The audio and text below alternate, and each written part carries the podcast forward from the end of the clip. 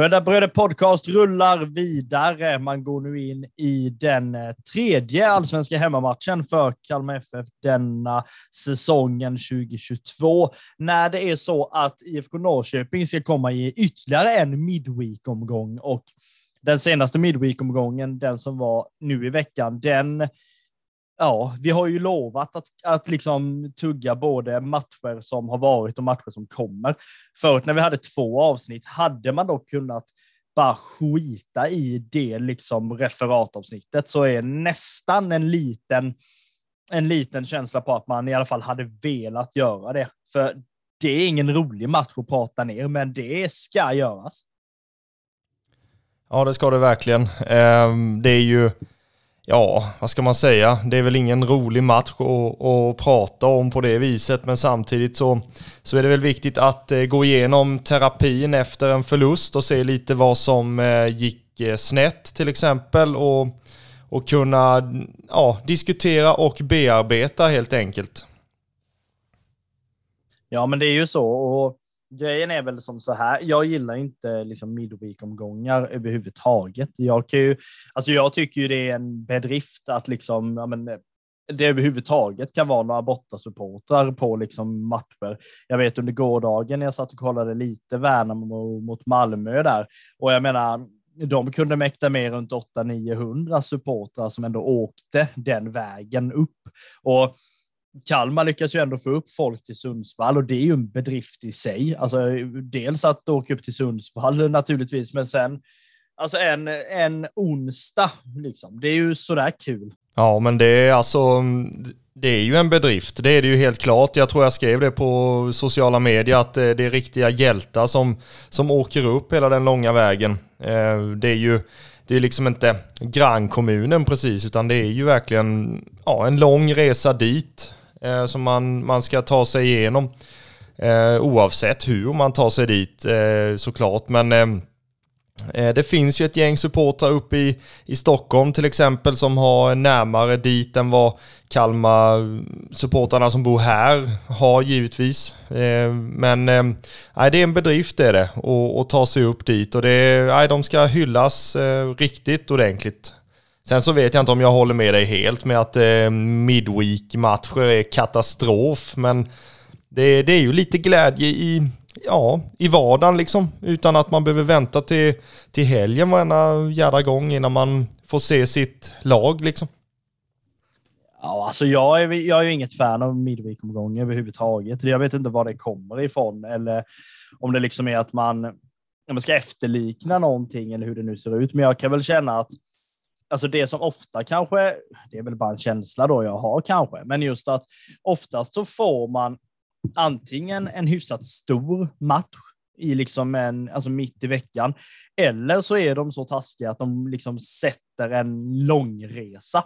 Alltså det kan jag väl ändå störa mig på. Jag menar, man sätter ändå Kalmars längsta resa upp till Sundsvall en, alltså en onsdag. Alltså det kan ju inte bli mer deppigt egentligen. Nog för att det är deppigt att åka till Sundsvall. Alltså jag, jag har ingen jättekärlek till Sundsvall heller. Jag märker det med vissa av de här städerna. Det är ju inte så att man, alltså det är ju inga semesterparadis om jag säger så. Och kanske än mindre då, alltså, ju lång, alltså jättelångt upp i landet som Sundsvall då, liksom, med den arenan vi skällde ut i förra avsnittet. Ja, och nu skäller du inte bara ut arenan, nu skäller du ut hela, hela stan och upplevelsen kring, kring Sundsvall också. Och jag har aldrig varit där, så jag kan väl inte säga så mycket om det, men, men eh, jag kan väl känna också att det är väl inte jättemycket lockande kanske att åka dit mer än att mer än att se Kalmar FF spela, det vore väl det i så fall. Men de som hade tagit sig upp dit fick ju se en, eh, alltså det var ingen händelserik tillställning om jag säger så. Ehm, Kalmar mäktade ju med mer eller mindre ett avslut på mål under 90 minuter. Alltså, vi kan ju ändå inleda där. Det, alltså, nej, är väl min reaktion. Alltså, från början bara. Alltså ett avslut, är det en sån underprestation i mina ögon om det nu liksom bara leder till det. Alltså dels att, att liksom det inte var någon särskilt bra fotbollsmatch i sig att titta på, men samtidigt liksom att under 90 minuter mäkta med ett avslut på mål, det liksom håller ju definitivt inte.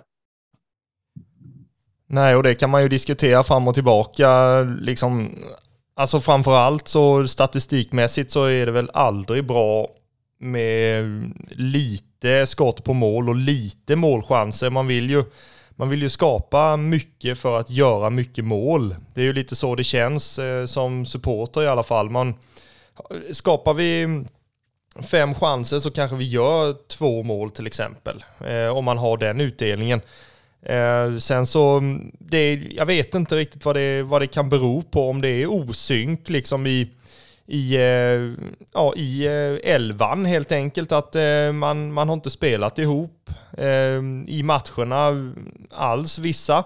Eh, det var ju en del rotationer i, i startelvan om man jämför startelvan mot Sundsvall med den mot eh, Degerfors till exempel så är det ju, det är ju en eh, tre, fyra eh, förändringar som, som sker eh, emellan matcherna där. Så att, eh, ja, det, det kan väl ha lite med det att göra, att man åker upp och, och kanske det inte är någon som, som verkligen tar tag i det ordentligt, utan man, ja, det, jag vet inte.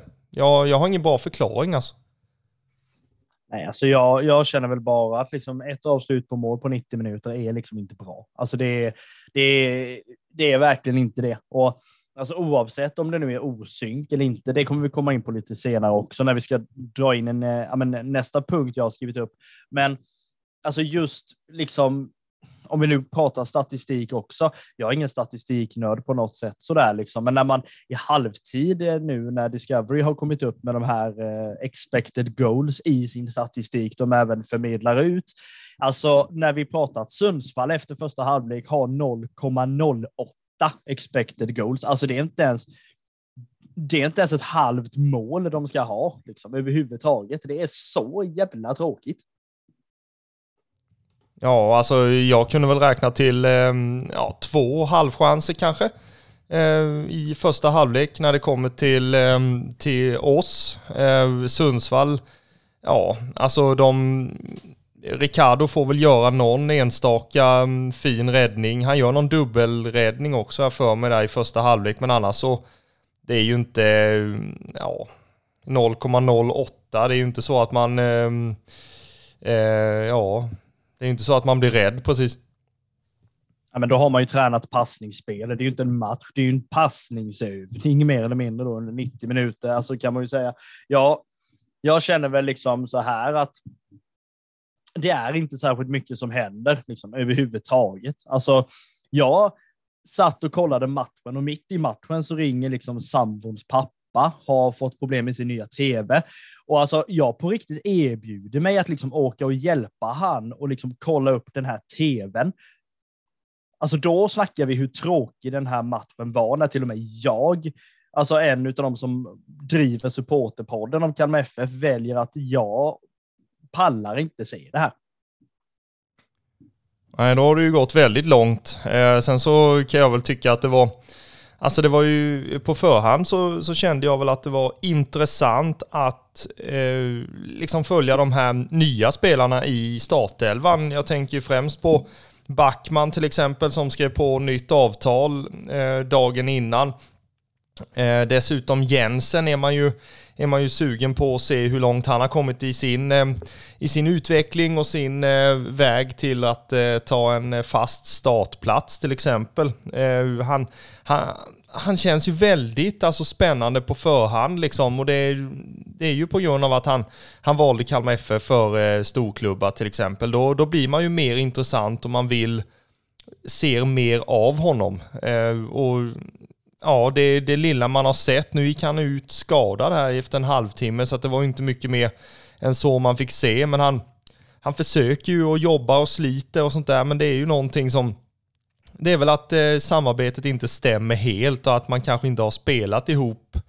Eh, alltså, nu bara gissar jag liksom, men, men det är väl lite sådana gissningar man får dra till med. Men det är ju, som sagt, jag, jag var jättenyfiken inför matchen och få se de nya spelarna, vilka steg de har tagit och vilka liksom eh, ja, hur långt ifrån de är en startplats. Eh, nu tyckte jag att det var, det syntes väl ganska rejält att eh, de ordinarie spelarna som byttes ut eh, till matchen mot Sundsvall, eh, ja, de, de var saknade på planen. Det, det är väl eh, ganska milt sagt.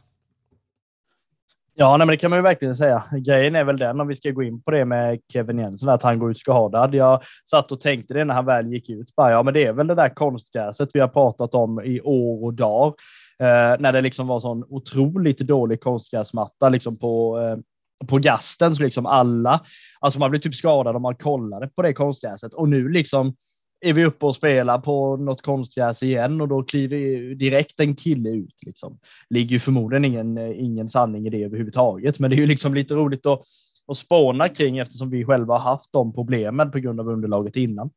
Men, eh, nej, men jag känner väl också så, och det är väl just det som jag tycker är, är så himla konstigt i i liksom, en, en sån här typ av match ändå. Sundsvall har inte rosat marknaden för fem öre den här säsongen, men man väljer efter liksom, ja, vad är det? Man väljer efter tre omgångar att liksom rotera. Jag fattar inte. Alltså det, vi möter egentligen nu två bottengäng om vi nu ska prata Sundsvall och Norrköping eftersom att Norrköping nu ligger där, ingenting annat. Och alltså att då gå in och redan där Alltså rotera. Jag har så svårt att, att liksom förstå det. Jag fattar om, om det nu är jättetajt spelschema, men det är ju liksom inte det.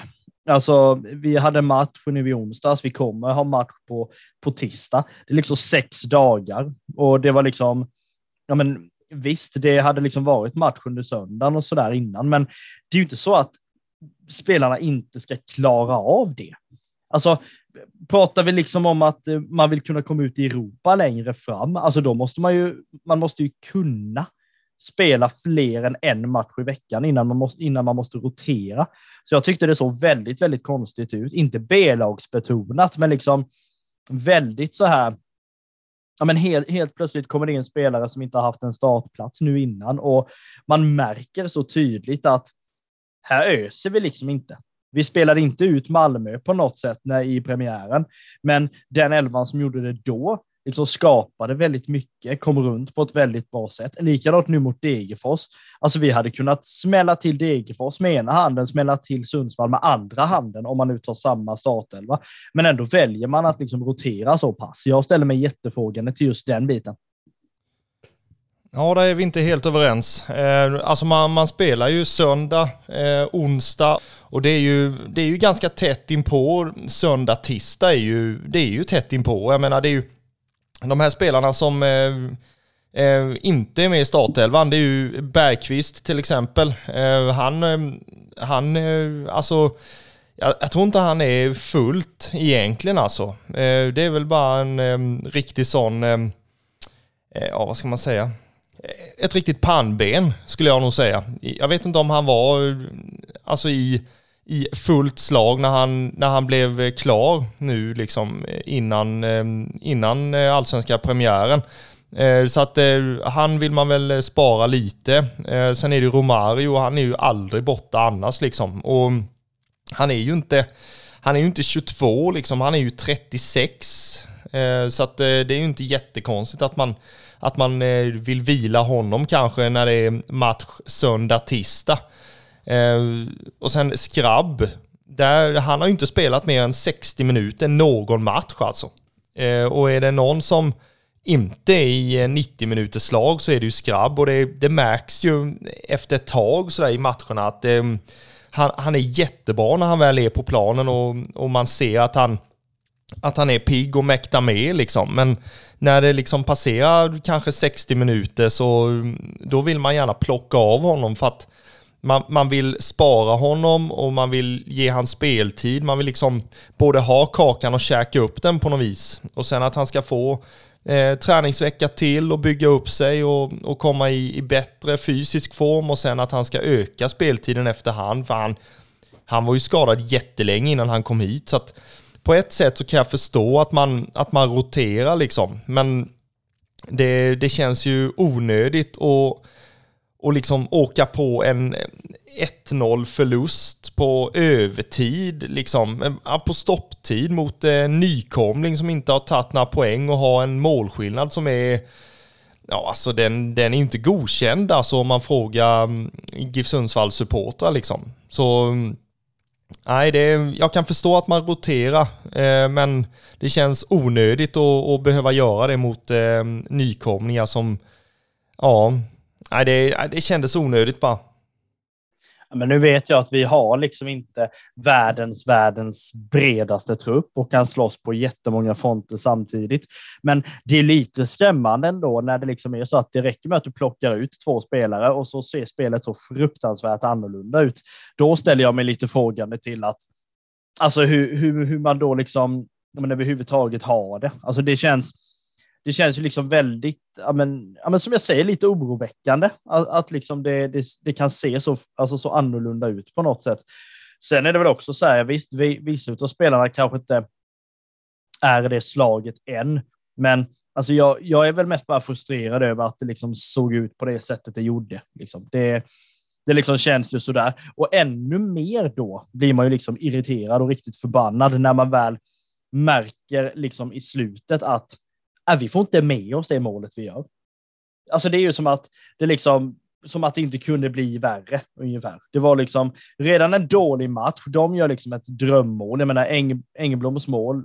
Ja, vi pratade om att att Olafssons mål var liksom ett drömmål. Här pratar vi liksom riktig pangträff också som är liksom. Man kan inte lasta Ricardo för den överhuvudtaget känner jag och då liksom sen när man väl gör ett mål sen och får 1-1 ändå, nej men då ska det väl vinkas med en liten flagga vid sidan. Liksom. Där jag liksom känner att man kan absolut prata om att, nu vet jag kommer inte ens ihåg vilken spelare det är som står i offside-position, men det är ju någon som står där bollen kommer, han hoppar ifrån eller bort därifrån och tycker man att det stör liksom målvakten så pass, eh, då, då, ja, då får man ju nästan sätta en målgård en spelare inte får vara i för att störa målvakten. typ. För det där, i mina ögon, utan någon som helst domarexpertis i detta, så är ju det där ett mål. Ja, jag tycker att det är ytterst tveksamt också, alltså att man, att man dömer bort det. Eh, det, det känns väldigt, eh, väldigt synd alltså. Eh, speciellt hur, hur matchen ehm, urartade, tänkte jag säga. hur den artade sig. Ehm, det är liksom det är ju någonting som inte stämmer i matchen, i laget. Eh, man, man gör väl det man, det man kan. Det finns ju ingen som gör ett misstag med, med mening. Det gör ju inte det, men samtidigt så, så måste man kunna... Ja, alltså, jag är bara besviken över att vi, vi förlorar, men... Och, och sen är man ju färgad och man, man tycker att det, det är ett mål liksom. Man, man gillar ju inte när man blir bortdömd på det viset. Och speciellt inte i det läget heller när man ligger under med, med 1-0 borta mot nykomlingarna som inte har rosat marknaden, precis som du sa innan. Så att, nej, man, man är ju bara... Man är ju bara vansinnig i den stunden alltså, innan man har släppt den situationen. Men, men ja, det, det kändes väldigt onödigt eh, överlag alltså. Och speciellt när man när man eh, griper efter halmstrå när man är på väg att förlora och kan knipa en poäng i alla fall och det, då får man inte det med sig. Så att nej, det, nej, det är synd alltså. Sen så är det ju som du säger, det, det ska ju inte vara sån jädra skillnad när man bara byter ut eh, tre spelare var det va. Eh, så att det är, det är klart att man, man vill att det ska vara nästan som att de är på planen med eh, de ersättarna som är inne. Eh, jag menar, eh, backlinjen är ju, förutom Lindahl då som var borta, så är den ju ordinarie. Zack Bekidis fick ju en ny chans som högerback. och Alltså det är klart att Lindahl saknas. Sakbekidis är ingen färdig högerback, utan det, det krävs ju betydligt mer tid där för att växa in i ytterligare en position för Filip. Han är ju en ja, han är ju en, vad ska man säga, allround städgumma som är överallt där det behövs och en lojal spelare och lagkamrat. Så att det är all heder till han att han ställer upp som högerback, men är, han har en bit kvar på den positionen. Sen är det ju mittbackarna är ju ordinarie. Olafsson är kvar i startelvan. Gustafsson och, och Netabay också, Berg och Jansson, så att det är ju inte... Ja, Alltså spelarna som sitter på bänken istället. Det är ju det är klart att det är skillnad om de är på bänken eller på planen, men samtidigt så, så är det ju inte... Alltså alla spelar ju inte utbytta, utan då måste ju de spelarna som är på planen ta det ansvaret. istället. Ja, men det är ju så. Och jag menar då, jag vet inte, jag är väl också som du väldigt, väldigt besviken över att det här är en sån poäng, eller en sån match man liksom inte ens ska vara nöjd med en poäng egentligen. Och framförallt inte med noll som det nu blir. Liksom. Sen är det ju så, det känns väl lite som att men ibland behövs det en chans och det är ett mål. Jag menar, det kan, det kan gå 90 minuter, händer ingenting och i sista sparken så bara rullar den rätt bollen och då är det ju liksom tre poäng åt ena hållet, noll till det andra. Det är ju så. Det är ju dels tjusningen när det väl är åt rätt håll, men får man det emot sig själv så är det ju bara. Nej, det är, det är, det är liksom inte kul någonstans överhuvudtaget. Uh, men uh, oavsett det, hur nu pass tråkig den här matchen faktiskt ändå var. Jag har svårt att tro att det är någon match som kommer i alla fall vara mindre underhållande under de närmsta vi har. Så är det ju så här att vi ska ju dela ut eh, lite, ja, men lite eloger kan vi säga till matchens tre stjärnor.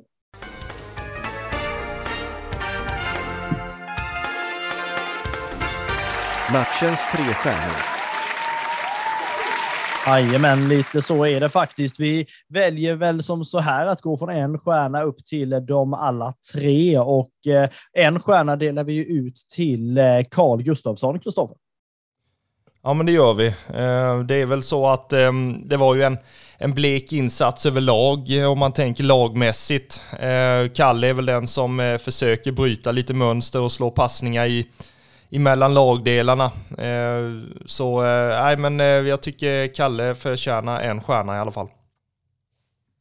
Den som eh, då, om man ska säga förtjänar kanske det dubbla i den här matchen är ju Lars Sätra som startar matchen. Eh, startade ju inte mot Degerfors matchen innan. Eh, men liksom är ju ändå en sån spelare som står för väldig stabilitet när han väl är inne. Liksom. Det är inga konstigheter, ska inte vara så heller ändå en bidragande orsak till att eh, det faktiskt slutar vid 1-0 också. Eh, sen är det ju så, den som får de tre är ju inget svårt val i denna matchen heller. Nej, det var ju som vi sa innan, eh, Ricardo är väl, alltså chanslös är väl eh, kanske helt fel ord, men, eh, men eh, det är ju inte mycket att göra på det målet som, som Sundsvall gör. Och det är ju inte, jag tycker inte vi ska lasta Ricardo för det målet. Eh, han gör fina räddningar i första halvlek, eh, bland annat en dubbelräddning. Eh, och det, Ricardo ser ju också till att eh, Sundsvall inte får in mer mål än vad de ska helt enkelt. Eh, så att, eh, jag tycker Ricardo gjorde det han skulle i, eh, i denna matchen och då förtjänar han att eh, bli, eh, bli matchens lirare helt enkelt. Lite så är det och i nästa segment som vi kollar på i denna matchen är ju det berömda matchens frågetecken eller matchens som vi pratade om i förra matchen. Grejen är ju som så här att i den här matchen är det väldigt svårt att hitta någonting sådant, men Alltså man kan ju ställa sig frågan till mycket och det gjorde vi även inledningsvis. Därför blir alltså matchens frågetecken mellan Sundsvall och Kalmar FF blir insatsen överhuvudtaget. Det här var något av det blekaste jag har sett både under förra året och naturligtvis under detta året. Det här är ju någonting som absolut inte ska bli en trend och skapar man inte mer än ett avslut på mål under 90 minuter så växer ju en hel del frågetecken. Så att det här är en glöm och gå vidare match och därför matchens frågetecken insatsen.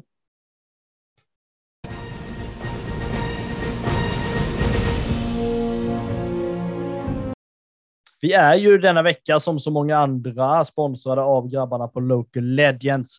Eh, Sebastian och Christian på Local Legends framförallt eh, trycker ju tröjor till dem som de tycker förtjänar sådana då lokala legender, därav namnet. Om du köper en tröja med ett Kalmar FF-motiv så stöttar du inte bara deras grymma jobb, du stöttar även oss i Röda Bröder Podcast i och med vårt samarbete med dem. Eh, det finns väldigt mycket fint att kolla på på deras hemsida. Kommer även dyka upp en hel del nyheter inom en snar framtid. Eh, mer än så låter det faktiskt vara osagt. Men någonting som inte kan sägas för många gånger är att Röda Bröder tackar Local Legends för detta samarbete vi har. Stort tack!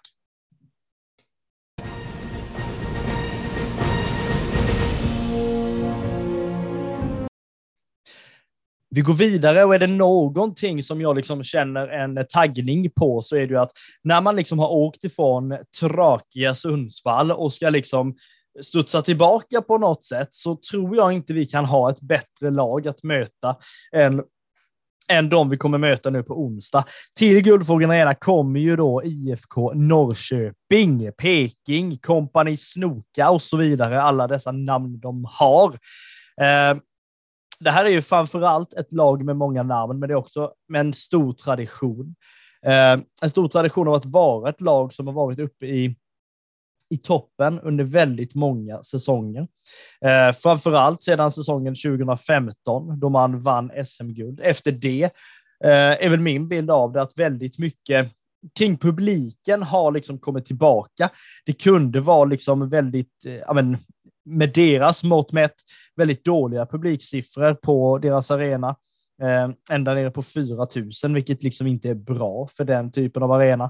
Eh, och nu var man ju tillbaka där igen när man liksom mötte BK Häcken i senaste matchen. Då var det inte mer än 5 000 och det är ju inte godkänt så heller. Men samtidigt är det ju så här att ja, jag tycker inte vi överdriver när vi liksom ändå slänger oss med ordet inbördeskrig. Vi kanske inte ska slänga oss allt för mycket med det, men det är är pressad tränare, det är dålig prestation, det är en poäng efter tre matcher. Det är ja, men i princip inbördeskrig i supporterled mellan olika grupperingar. Det här är ju liksom, ja, i, i mina ögon just nu, Titanic i fotbollsform. Ja, så kan man ju eh, benämna det kanske. Ehm, det är väl klart att ehm, jag skriver väl under på, på det mesta. Eh, det det finns ju lite att prata om när det gäller när det gäller Norrköping. Eh, Rickard Norling är ju pressad som, som tränare. Man har ju högre ambitioner än vad, än vad man eh, befinner sig just nu, i alla fall resultat och eh, tabellmässigt. Eh, sen så är det ju så att eh, supportergrupperingar eh, har ehm, eh, diskussioner emellan sig kan man ju lugnt säga. Eh, det finns ju en del bilder på, på sociala medier och det finns en del eh, artiklar om detta. Eh, tragiskt skulle jag väl säga att man, att man eh, är emot någonting som är eh, förenande och, och, alltså man är ju under, under samma fana. Eh, man är ju under IFK Norrköpings fana allihop eh, och att man eh, har diskussioner och dispyter mellan grupperingar det är ju, det är ju bara sorgligt. Eh, så, så liksom eh, som en eh, fotbollssupporter i, i allmänhet så, så önskar man väl att eh, det där reder upp sig så att man kan eh, skapa en positiv stämning eh, kring eh, supporterskapet i, eh, i IFK Norrköping. Eh, så eh, vill jag väl sammanfatta det som, det som händer i Norrköping just nu. Sen är frågan om det är bra att möta dem i, i detta läget eller om det är bra att eh, eller om det vore bra att möta dem vid ett senare tillfälle. Eh, de är ju lite i samma sitt som eh, GIF Sundsvall eh, på ett sätt. Eh, man har inte varit bra resultatmässigt och insatsmässigt så att, ja, frågan är, kan vi få eh, Rickard Norling närmare eh, sparken eller kommer de att vakna till och eh, börja leverera på gammalt, ja, gammalt gott sätt liksom? Ja, nej, men de har, de har det ju inte lätt alltså. Alltså det är nästan lite ja, men Kalmar FF 2019 där, om vi bortser från att eh, Kalmar, ja, vi har ju varit förskonade från liksom, eh, dispyter mellan grupperingar. Liksom. Där är det ju motsatsen, ska väl jag säga. Det känns ju som att det är ett samarbete på ett helt annat sätt. Men liksom, när man liksom märker så här att föreningen kan ju stå mot supportarna ibland. Det har ju vi liksom erfarenhet av också. Men när det liksom är så att inte fan ens supportrarna står enade i vissa alltså, frågor, då är det ju liksom, ja, det är ju inte bra och det kommer ju framförallt inte att hjälpa Norrköping i det här läget heller. Så av den anledningen, när det är lite halvturbulent, så tror jag det är liksom en fördel för, för Kalmar att kunna studsa tillbaka. Eh, Dock har ju de här under väldigt många år varit jobbiga att möta. Eh, trots att man har en tränare som Rickard Norling, liksom där ja, men det har ju gått både bra och dåligt för han, måste man ju ändå påstå. Liksom. Han har ju varit dels i Brann och det gick väl inte jättebra där. Han har även vunnit guld i Malmö och vunnit guld i AIK och så där. Och det är ju liksom, han har ju blandat väldigt högt och lågt. Liksom. Sen eh, det är väl den tränaren som i allsvenskan som jag känner, han kan säga hur mycket som helst men ändå inte komma fram till någonting. Det är liksom, om man nu pratar om att Rydström är den som pratar och pratar och pratar och aldrig kommer fram, så är ju Norling snäppet värre. Ja men det är ju en underhållande eh, tränare att, att lyssna på. Eh, det är ju, han är ju full av oväntade citat kan man väl lugnt säga. Det är ju Ja, det är väldigt underhållande de intervjuerna som, som man hör med honom. För man kan förvänta sig precis vad som helst. Eh, men samtidigt vet man att eh, det är en erfaren tränare. Det är en mästartränare i, i allsvenskan. Så att eh, en sån ska man aldrig underskatta. Sen så är det frågan om Alltså kommer de att ha en bra dag här på Guldfågeln så då är det klart att vi måste se upp och vara, och vara beredda på, på allt egentligen. De, de har ju eh, fina spelare och individuellt skickliga eh, och när det stämmer för dem så då, eh, då får ju motståndarna svårt helt enkelt. Eh, men det alltså som eh, supporter till, till Kalmar FF så hoppas man ju bara att eh, debaclet i, i Sundsvall var en, en engångsföreteelse och att man studsar tillbaka och står för en eh, fin insats och ser till att eh, plocka, plocka tre poäng på vår hemmaborg. Så att ja, jag vet, eh, jag vet fortfarande inte om det är bra eller dåligt att, att möta Norrköping just nu, men men eh, förhoppningarna säger väl att äh, det är väl bra att möta dem nu. Vi, när, de är, när de är ganska långt ner i skorna så då, då vill väl Rydström trycka dem ännu längre ner. Ja, jag, om jag säger så här, om vi ska knyta ihop lite allmänt kring IFK Norrköping så kan man ju säga så här att om nu Sundsvall såg ut som en tvättbjörn, visade sig vara liksom en brunbjörn som börjar kanske vakna till, så kanske det är så att eh, IFK Norrköping eh, är precis tvärtom och därmed lever upp till sitt namn, om du är med på den. Ja, inte helt kanske, men eh, jag håller väl med om att eh, de är betydligt eh, större björn än vad, ehm, än vad Sundsvall är. Så att det, det är ju ingen, det är ingen tvättbjörn på det viset, utan jag, jag skulle väl säga att de är, ja, Ja, de är väl en, eh, en brunbjörn eller ja, de är inte helt uppe på eh, grizzlybjörn jättestorleken så, utan de är väl, de, eh, de vill ju vara det, men och ha ambitioner speciellt för att vara det. Men nej, tvättbjörn är de absolut inte. Sen får du gärna hjälpa mig med den, med, med den referensen. Ja, men den, är, den är faktiskt rätt bra om, om, man, om man är lite påläst så är det ju så här som jag sa innan IFK Norrköping. De kallas ju dels för snoka, bland annat. Så kan man ju undra var fan kommer nu det ifrån? Eh, och så vidare. Grejen är faktiskt så här att eh, nu får ju Norrköpingssupportrarna ringa mig och skälla ut mig om jag liksom citerar detta fel. Ja, men, jag har en som kan ringa om det är så. Ja, men det är så här att eh, deras gamla rivalklubb IK Sleipner de liksom kallade IFK Norrköping att eh, man liknade IFK Norrköping vid en snok helt enkelt. De ser väldigt farliga ut, men är extremt harmlösa. Tycker jag är ganska smart ändå. Och då blir det ju så här att kan det vara så att man liksom har trott att IFK Norrköping är en form av huggorm, att här liksom här bara liksom snattas det till helt plötsligt i liksom de lugnaste vassen om man säger så, fast egentligen är de en, liksom, en snok som man egentligen bara, man blir först rädd och tänker oj, här är det liksom någonting farligt, men sen bara, nej, det var bara det. Ja, då, då förstår jag väl lite bättre i alla fall den referensen, men hur du kopplar det till Björn, det har jag nog inte hajat redigt. Nej, men det gjorde jag inte heller överhuvudtaget. Det var, det var liksom så här, skit i det, vi går vidare. Vi, vi går vidare, vi har någonting annat istället. Det här, den, den flög inte i vanlig ordning.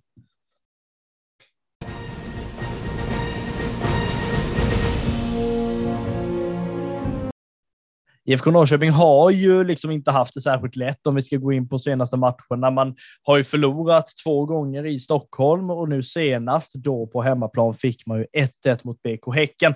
Man har ju liksom ett antal namnkunniga spelare naturligtvis. Man har ju Oskar Jansson som gjorde den extremt förbjudna flytten från ÖSK ner till Östergötland. Man har även Ekpolo, man har ju Linus Wahlqvist, man har ju även den eh, Kalmar FF, eh, för Kalmar FF-supportrar extremt kritiserade Jonathan Levi och sen då även eh, Totte Nyman längst fram. Det här är ju gott om fokusspelare i det här laget, men du har valt ut en annan. Ja, det har jag gjort. Jag har valt ut Ekpolo.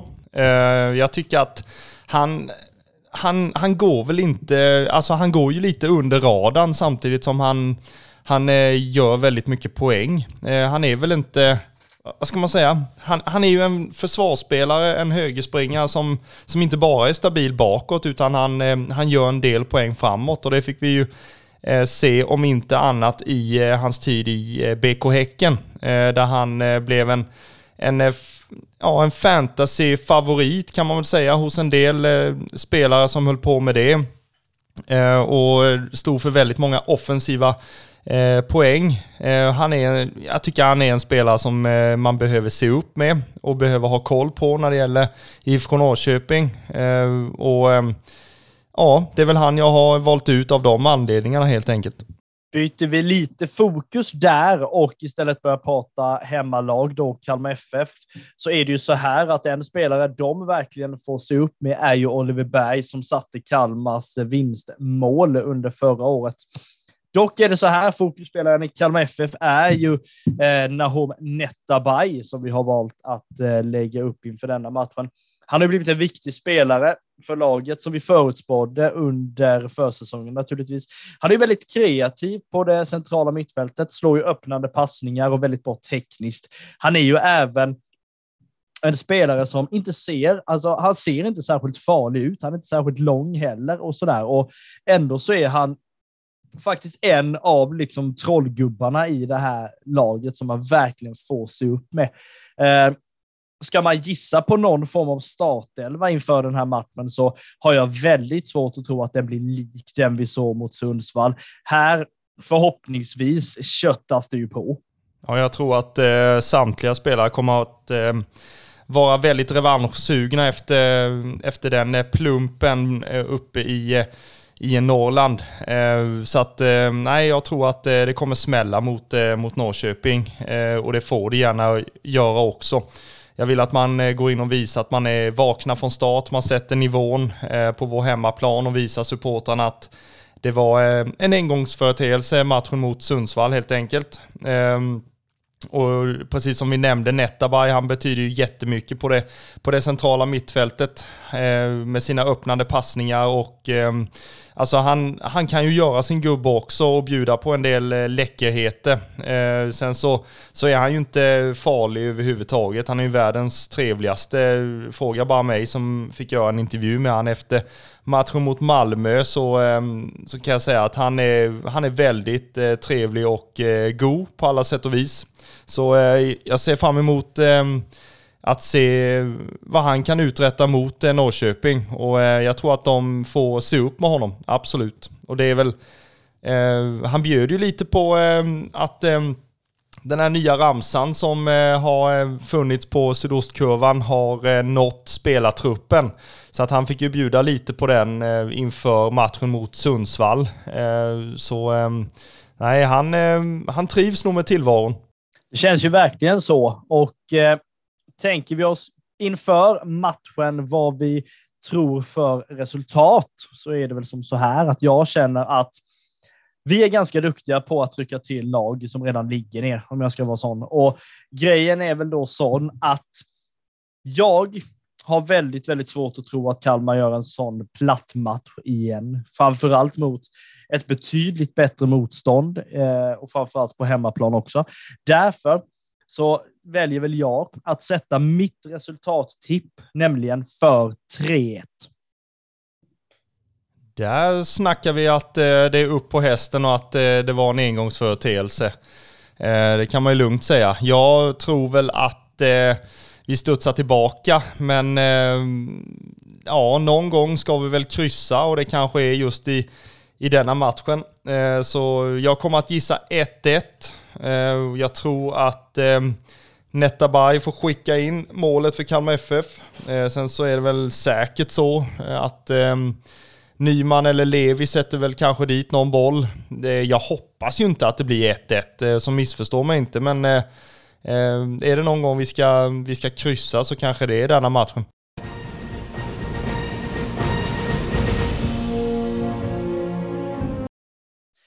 Vi ska gå in i slutskedet av eh, det här avsnittet. Det gör vi i vanlig ordning genom att kolla in våran fantasy. Grejen är som följer att eh, det gick fullständigt åt skogen för mig i senaste, om jag nu ska vara sån. 37 poäng slutade det på. Det är ju långt ifrån godkänt. Men jag har alltså en tendens i mitt lag att liksom jag plockade bort en kille, jag kommer inte ens ihåg vem det var, från Hammarby plockar in en spelare, Rickard Magyar, får ju inte han spela heller. Det är liksom det stora problemet jag har, att jag har extremt svårt att få till min backlinje, så att är det någon som har någon idé så hör av er. Eller så gör ni inte det och ser till så att han är ännu längre ifrån mig än vad han ska vara.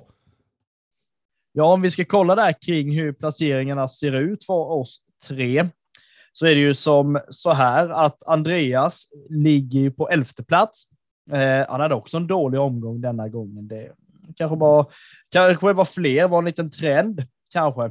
På 16 plats ligger ju du Kristoffer, medan jag har letat mig ner till 26 plats, men det där är ju bara liksom lite serielunk än så länge. Eh, kollar vi topp tre så leds eh, själva ligan av eh, lag La Manga med Wilmer Larsson.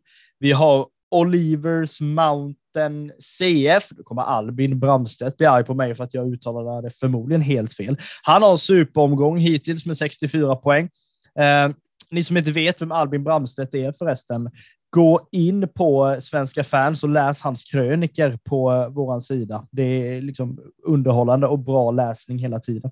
Eh, måste jag säga. På tredje plats har vi FC Bensinmark med Lukas Adolfsson och det är tajt i toppen som det heter eh, överhuvudtaget. Och nu är det ju ja, men, vanlig nästan omgång, höll jag på att säga. Det är det ju inte riktigt, men det är eh, Midweek-omgång igen mot Norrköping. Efter det så ska vi ju iväg och eh, kolla lite läget på Gamla Ullevi mot IFK Göteborg. Eh, så det lär ju bli intressanta matcher, både i allsvenskan generellt och i fantasy.